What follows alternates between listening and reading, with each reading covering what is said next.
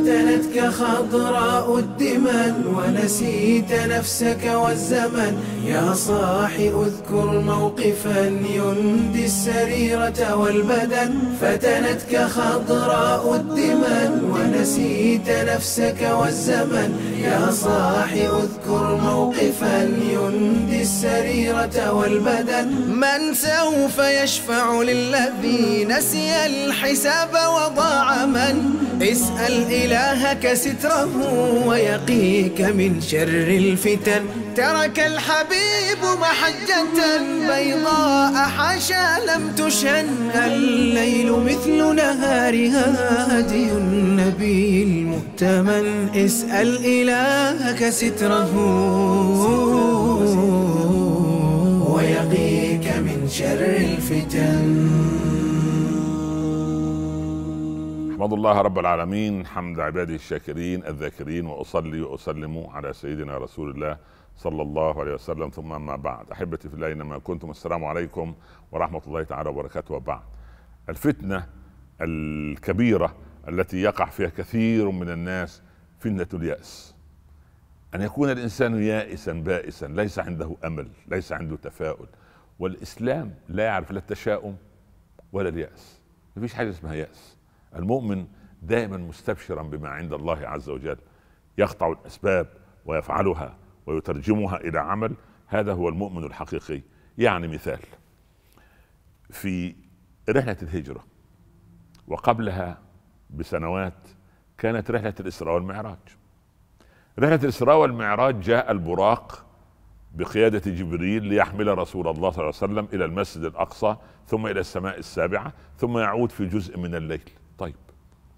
في حادثة الهجرة كان الإسلام على المحك والمجرمون يريدون إنهاء وقتل صاحب الرسالة صلى الله عليه وسلم حماه الله رسول الله فما الذي حدث؟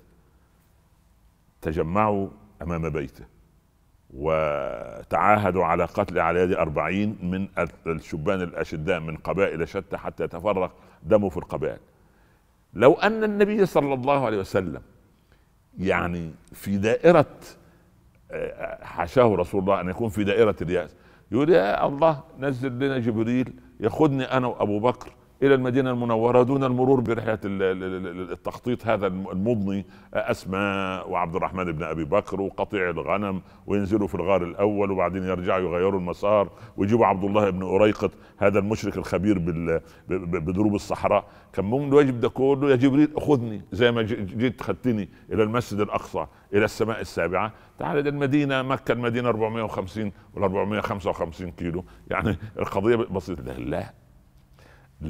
ليثبت لنا قانون السببية ويثبت لنا التفاؤل رغم الأحداث. سبحان الله. ولذلك في ناس تنظر من ثقب عالم الشهادة الضيق وأناس أخر أكثر اشراقا ينظرون من آفاق عالم الغيب الواسع. أبو بكر يجلس بجوار رسول الله صلى الله عليه وسلم. يا رسول الله لو نظر أحدهم تحت قدميه لرآنا. أبو بكر صادق. لكن إيه؟ ينظر من ثقب عالم الشهادة الضيق. ماذا يقول الرسول له؟ إلا تنصروه. فقد نصره الله. إذ أخرجه الذين كفروا. ثاني اثنين إذ هما في الغار إذ يقول لصاحبه لا تحزن إن الله معنا. فده إيه؟ آفاق عالم الغيب. من الذي ينتصر؟ الذي ينظر إلى آفاق عالم الغيب الواسع. إن الله معنا. طيب الله لا تدركه الأبصار وهو يدرك الأبصار وهو اللطيف الخبير. فمن صفات الله أنه لا يرى. وإن الله معنا نحن الآن في معية الله. ومن كان في معية الله في هذا الوقت فلن يرى. وتراهم ينظرون إليك وهم لا يبصرون. ما هو لو نظر أحدهم. سبحان الله. لكن في معية الله صار القوم لا يرون. ليه؟ فسيكفيكهم الله. وهو السميع العليم. فغشيناهم فهم لا يبصرون.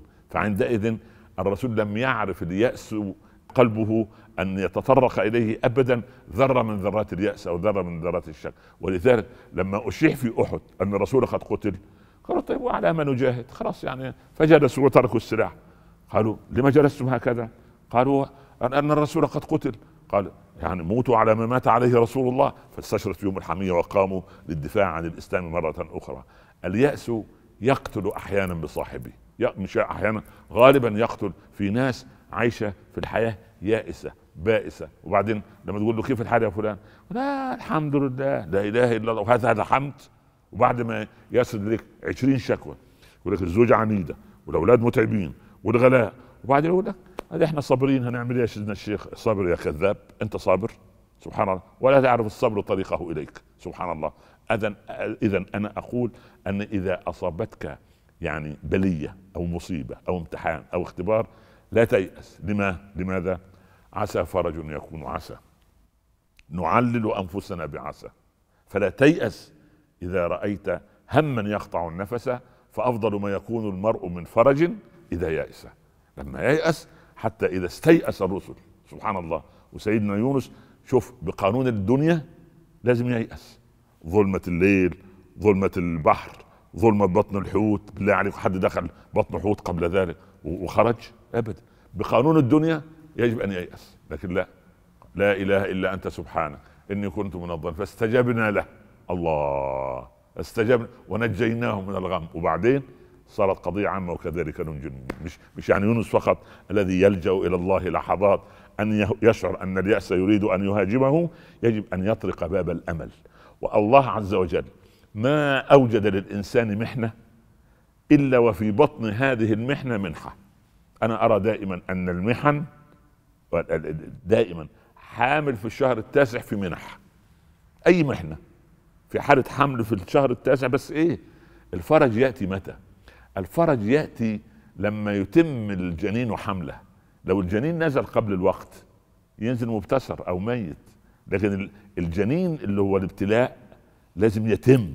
فنسأل الله سبحانه وتعالى الا يجعل اليأس يخترم قلوبنا ويجعل الأمل دائما شعارنا وأن ييسر لنا وأن يفك كرب المكروبين. لا تنسونا من صالح دعائكم. والسلام عليكم ورحمة الله تعالى وبركاته. فتنتك خضراء الدمن ونسيت نفسك والزمن. يا صاح اذكر موقفا يندي السريرة والبدن. فتنتك خضراء الدمن ونسيت نفسك والزمن. يا صاح اذكر موقفا يندي السريرة والبدن من سوف يشفع للذي نسي الحساب وضاع من؟ اسأل إلهك ستره ويقيك من شر الفتن. ترك الحبيب محجة بيضاء حاشا لم تشن. الليل مثل نهارها هدي المؤتمن اسأل إلهك ستره.